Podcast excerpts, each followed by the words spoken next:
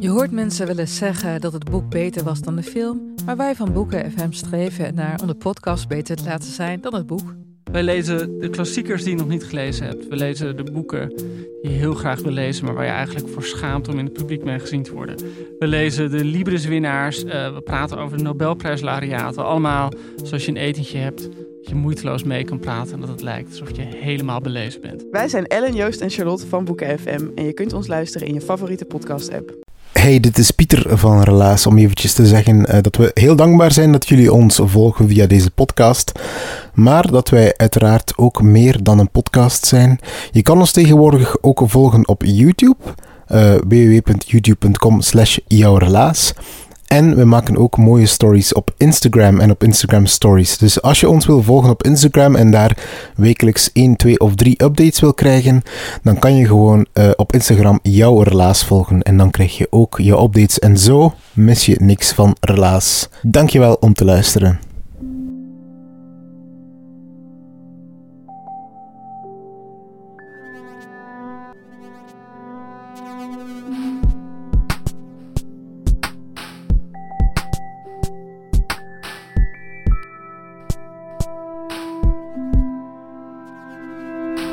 Dit is Relaas. Daarin vertelt iemand een verhaal over iets dat hij zelf heeft meegemaakt. En het verhaal dat je straks gaat horen is een verhaal over dankbaarheid. Mensen kunnen dankbaar zijn over van alles en nog wat. Je kent dat wel. Het zonnetje schijnt bijvoorbeeld en dan zijn we heel dankbaar. Uh, mensen krijgen een cadeautje en dan zijn ze heel dankbaar. Maar bij Lien gaat het om een echt een substantiële vorm van dankbaarheid. Namelijk de dankbaarheid dat je er bent op deze wereld. En dat je welkom bent op deze wereld. Dat je gewenst bent op deze wereld. En het lijkt misschien niet evident, maar niet voor iedereen is dat normaal. Lien bijvoorbeeld, die is op jonge leeftijd geadopteerd door Belgische ouders en die wil daar heel graag dankbaar voor zijn, altijd en overal. Maar dat lukt niet altijd. Waarom? Dat hoor je in dit relaas.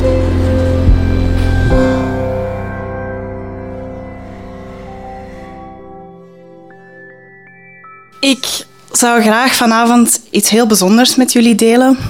Namelijk, het is namelijk zo dat het vandaag precies 30 jaar en drie dagen geleden is dat er een welbepaalde Boeing 747 vanuit Seoul landde in Zaventem.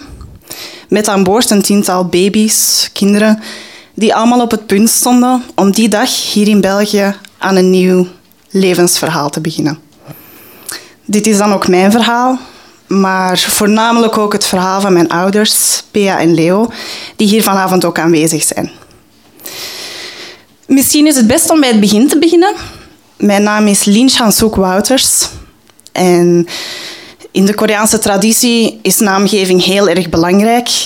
En ik moet eerlijk zeggen dat ik ook bijzonder trots ben op mijn naam. Um, hoe eclectisch ook. Ik, het mij altijd plezier om mensen moeite te zien doen om hem correct uit te spreken. Of uh, ik hem in een uh, klein documentvakje opge opeengekrampt zie staan. Um, maar het doet mij er elke keer gek genoeg weer aan denken hoe goed hij eigenlijk wel bij me past. De naam die mij gegeven werd bij mijn geboorte door een anonieme werknemer van het Holt Adoptiekantoor in Busan is Lee Hansuk.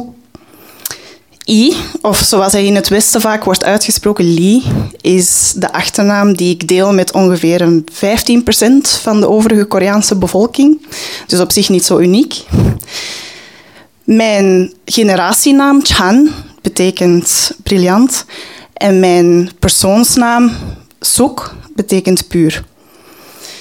Nu, op het moment dat ik aankwam in België, bewees mijn vader mij echter de eer om mij zijn eigen naam te schenken, zodat ik niet alleen op papier, maar ook voor de rest van de wereld zijn dochter zou zijn. Wie mijn vader kent en het geluk heeft om mijn vader te kennen, weet ook dat dit echt wel een eer en privilege is. Uit respect voor mijn Koreaanse achtergrond en mijn cultureel erfgoed wensten mijn ouders echter mijn Koreaanse naam verder te kunnen behouden.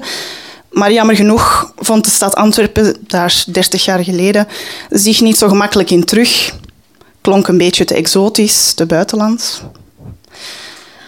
Dus om zo, toch zo dicht mogelijk mijn Koreaanse achternaam te kunnen benaderen en waarschijnlijk ook wel om mij een beetje een Belgisch duwtje in de rug te geven, werd mij het mooie Vlaamse Lien als voornaam geschonken.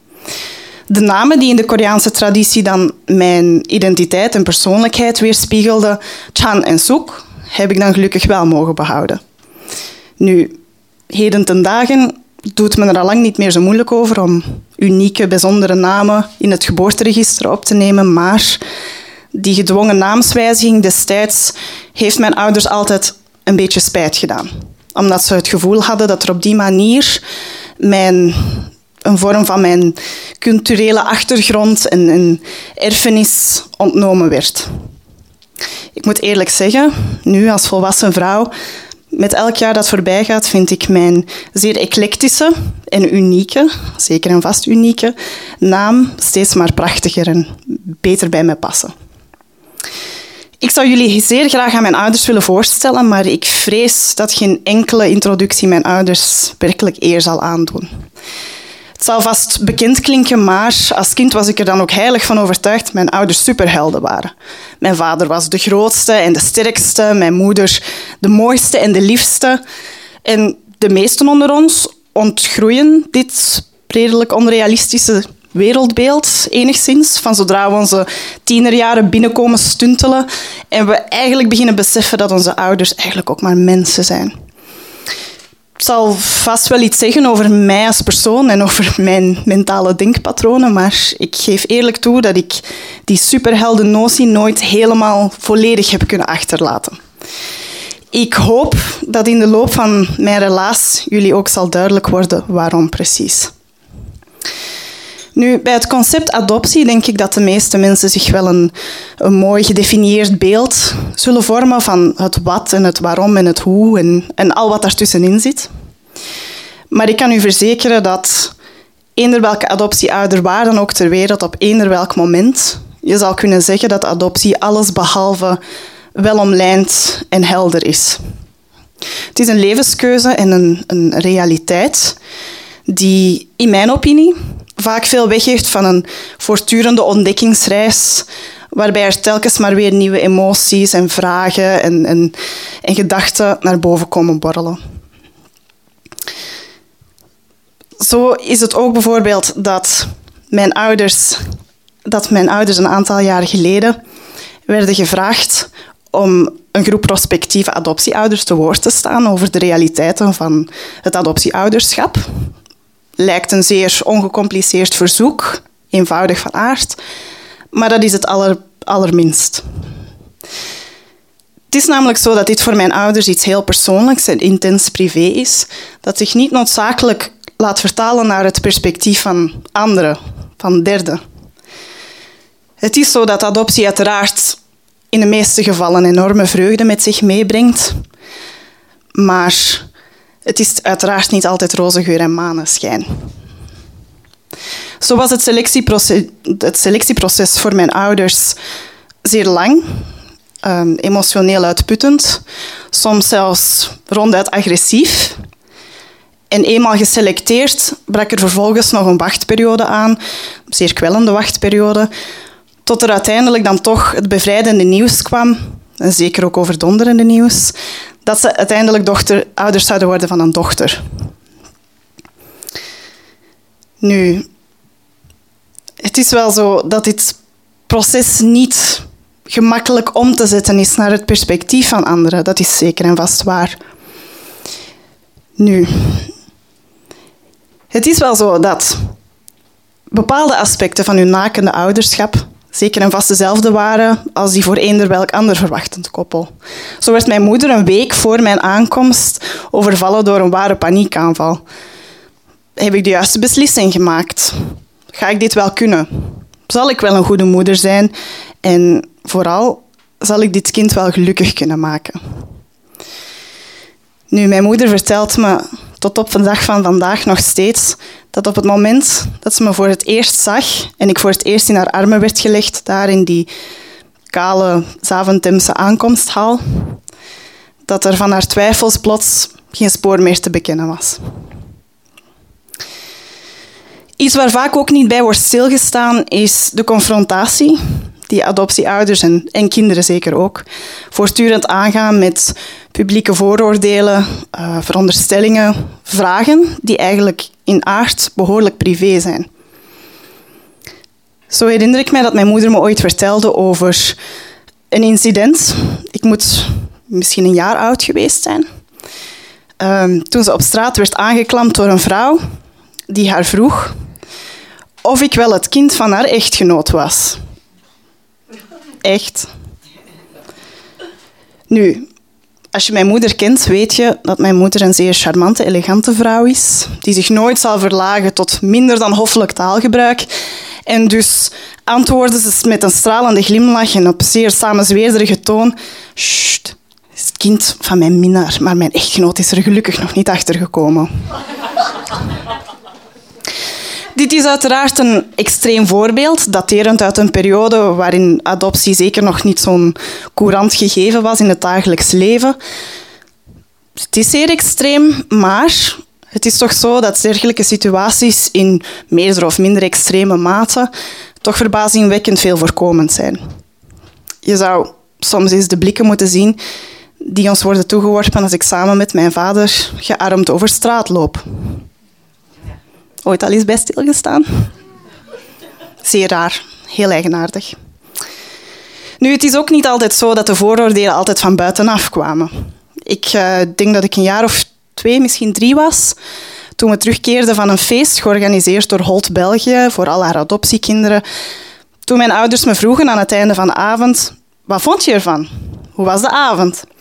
Waarop ik blijkbaar met volle overtuiging moet geantwoord hebben dat ik toch wel medelijden had met alle kinderen die daar aanwezig waren, omdat ze vast niet goed konden zien met hun kleine oogjes. Het is op dat punt dat mijn ouders ook begrepen dat er in mijn wereld geen fysiek verschil was tussen hen en mezelf. Een zeer openbarende sessie voor de spiegel en een heel goed gesprek later was dat dan ook meteen een interessante afsluiter van de avond. Nu, dergelijke situaties zijn uiteraard lichtelijk gênant en ook wel behoorlijk amusant. Maar niet alle momenten zijn zo. Er zijn ook wanhopige en erg moeilijke momenten. Zo vroeg ik als kind regelmatig aan mijn ouders wat er in hemelsnaam mis met mij was, waardoor ik niet gewenst was. Of stond ik wel eens voor de spiegel en vroeg ik aan mijn moeder: Op wie denk jij nu dat ik lijk? Als het mijn verjaardag was, vroeg ik ook stevast aan mijn ouders of mijn andere ouders vandaag aan me zouden denken. Of of ze me misschien wel helemaal vergeten waren. Uit het oog, uit het hart, zoiets. Als kind was ik er bovendien ook altijd behoorlijk bang voor om mijn ouders op de een of andere manier teleur te stellen. Omdat ik vreesde dat ze daardoor misschien spijt zouden krijgen dat ze me geadopteerd hadden en dat ik daardoor hen, en mijn nieuwe thuis en mijn nieuwe leven hier misschien kwijt zou geraken. Nu ik zelf volwassen ben en zelf ook verlang naar het ouderschap, bedenk ik mij telkens weer hoe moeilijk het eigenlijk moet geweest zijn voor mijn ouders. Hoe moeilijk die momenten moeten geweest zijn om mij op die manier te zien worstelen met diezelfde vragen, en dat doe ik nog steeds, diezelfde twijfels, die hartzeer, waarop zij mij geen antwoord konden bieden. Nu ik 30 jaar ben, besef ik inmiddels ook wel dat die antwoorden daar nooit zullen komen. En op een zekere manier heeft me dat ook minder radeloos gemaakt, gek genoeg. Maar iets dat mijn ouders steeds begrepen hebben, is dat op zulke momenten woorden altijd tekortschieten. En in plaats daarvan heb ik dan wel herinneringen van heel warme, troostende omhelzingen die heel veel goed hebben gemaakt. Mijn ouders zijn onvergelijkbaar. Het is soms ook zo dat voor adoptieouders en adoptiekinderen dat dat ene bepaalde aspect van ons leven, dat in feite een heel groot privé, intens persoonlijk deel is van ons leven, ook soms algemeen publiek goed is. Ik word zelf voortdurend geconfronteerd met zeer welgemeende, goed bedoelde en zeer oprecht geïnteresseerde vragen over mijn adoptie, waar ik het soms toch wel een beetje moeilijk mee heb om daar een goed antwoord op te formuleren. Nu, het is zo dat sommigen onder ons het er niet moeilijk mee hebben. Om eender welke vragen, eender welk gesprek vrijelijk en, en vrijwillig aan te gaan. Maar er zijn velen onder ons voor wie dit niet het geval is. Afhankelijk van hoe ik me voel die dag en hoe ik me op dat moment ook voel, kan ik mezelf wel in beide categorieën terugvinden. Er, is slechts, er zijn eigenlijk slechts twee zaken waar ik het specifiek altijd moeilijk mee heb.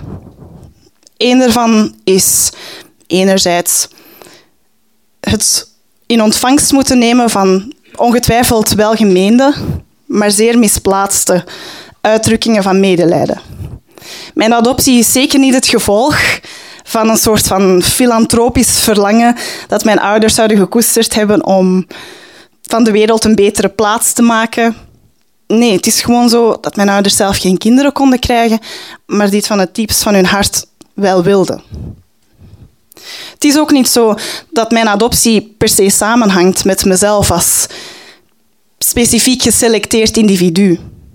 Het is in feite volstrekt toeval dat ik werd toegewezen aan Bea en Leo en niet het kind dat op diezelfde dag misschien in de verloskamer naast mij geboren werd.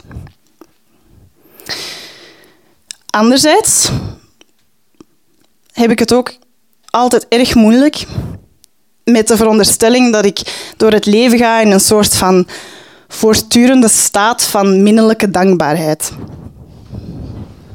Luister, niemand kan ooit altijd dankbaar zijn. Dat is echt onmogelijk.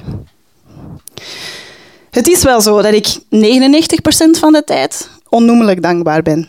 Ik heb immers een tweede levenskans gekregen, nog voor ik het zelf besefte.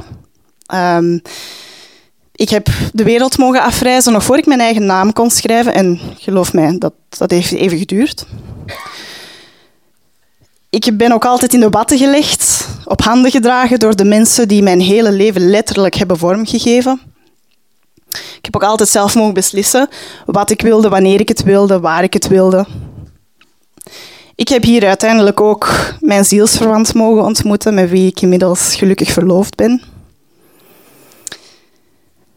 Maar ondanks dit alles moet ik eerlijk toegeven dat ik het soms ook heel erg moe ben om altijd maar dankbaar te moeten zijn. Omdat de wereld om mij heen, de maatschappij en zeker ook ikzelf dit van mezelf lijken te verwachten. Het is nu eenmaal zo dat die ene procent van de tijd dat ik eigenlijk gewoon verdrietig ben, kwaad, gefrustreerd, um, verward, ik, soms weet ik ook geen blijf met mijn eigen emoties. En soms folter ik mezelf door na te denken over zaken waar ik helemaal nooit ga uitgeraken. En dat weet ik. Op die momenten schaam ik me soms. Heel erg. Omdat ik me zo voel. Op andere momenten geheel niet. Maar in de wereld om mij heen lijkt daar niet altijd plaats voor te zijn. Zo lijkt het wel. En dat is behoorlijk frustrerend. Nu, bizar genoeg, de enige mensen die nooit hebben willen horen van enige vorm van dankbaarheid van mijn kant, zijn ironisch genoeg mijn ouders.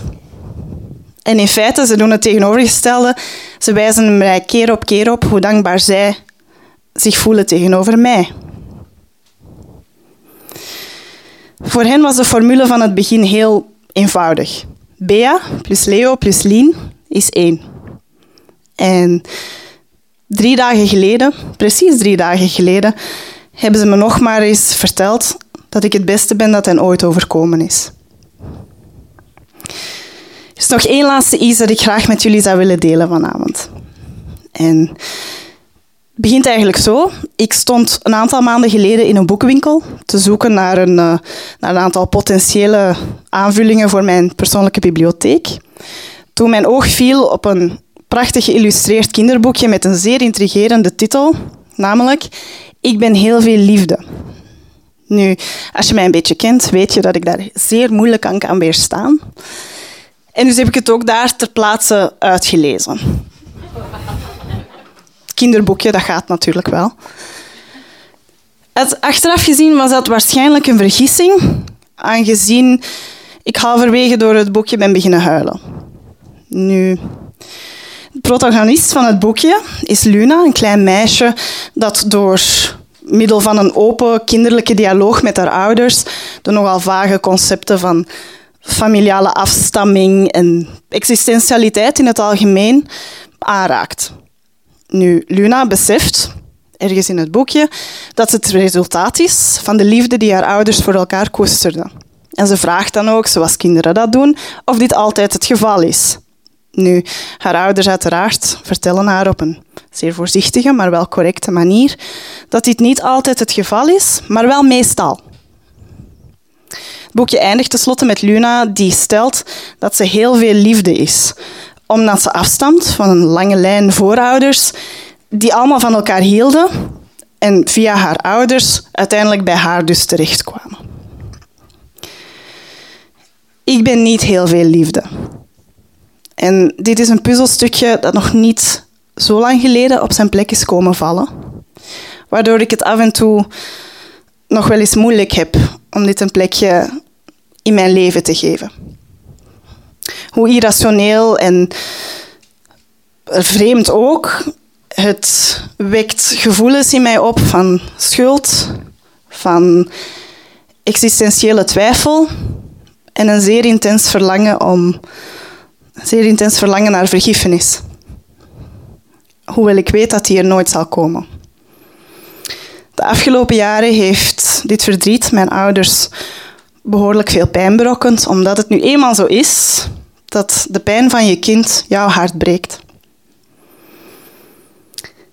Uiteraard lijkt het, komt het zeker niet als een verrassing dat ik die dag met lege handen naar huis ben teruggekeerd. Maar het tweetal weken later ben ik het boekje uiteindelijk toch gaan kopen. En die beslissing is er gekomen na een zeer gezellig etentje bij mijn ouders thuis. Uh, een avondje tijdens welke ik mijn ouders vertelden over het boekje en over ja, mijn redelijk reflexieve, hevige reactie erop. Ze hebben geluisterd. Daarna hebben we gepraat over eender wat er ook maar in ons opkwam op dat moment. En het was zeer deugddoend. En toen ik die avond de deur van mijn ouderlijk huis uiteindelijk achter mij dichttrok, besefte ik plots hoe fout ik geweest was. Ik ben immers zo onnoemelijk veel liefde. Vanaf die allereerste seconde daar in Zaventem is er nooit iemand meer liefde geweest dan ik. Het is zo dat er natuurlijk zoveel meer te vertellen valt dan ik hier allemaal vanavond kan komen vertellen aan jullie. Hè? Zo, zo gaat dat nu eenmaal. Maar ik vind het belangrijk dat jullie weten dat het vooral om mijn ouders draait. Ik hoop dat jullie in feite mij, zoals ik hier stond vanavond, volledig zullen vergeten, want ik ben slechts één van heel velen. Maar ik hoop dat dit relaas en vooral de twee unieke mensen waar mijn hele leven altijd om gedraaid heeft, jullie altijd zullen mogen bijblijven. En als ik ooit iemand raad zou mogen geven, zou het dit wel zijn. Neem nooit iets als vanzelfsprekend. Het feit dat je leeft, dat je droomt, je familie en vrienden hebt, huis en haard. Want sommigen onder ons worden er voortdurend aan herinnerd dat elke ademtocht, elke gedachte en elke glimlach een privilege is. Wij zijn uiteindelijk ook degenen die hebben ontdekt dat incognito superhelden geen capes en oogmaskers nodig hebben, omdat ze juist over, het, over de superkracht beschikken om een eenzaam kind een thuis te geven. Dank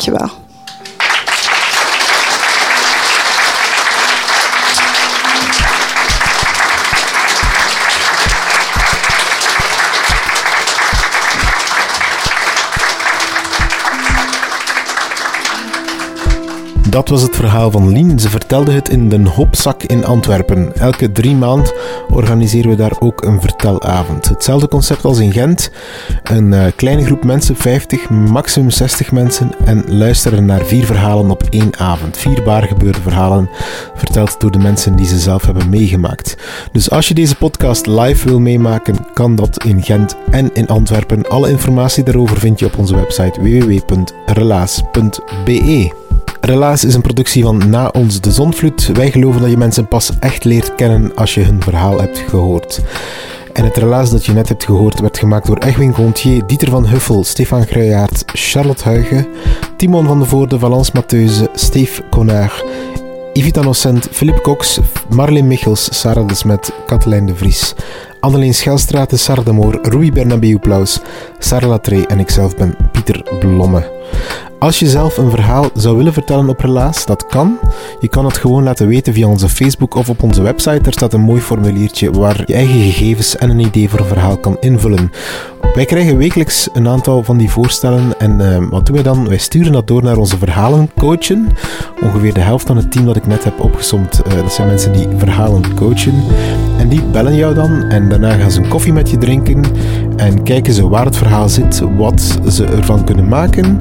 En voor je het weet sta je bij ons samen met uh, een aantal andere vertellers op het podium en vertel je jouw verhaal voor een groepje mensen.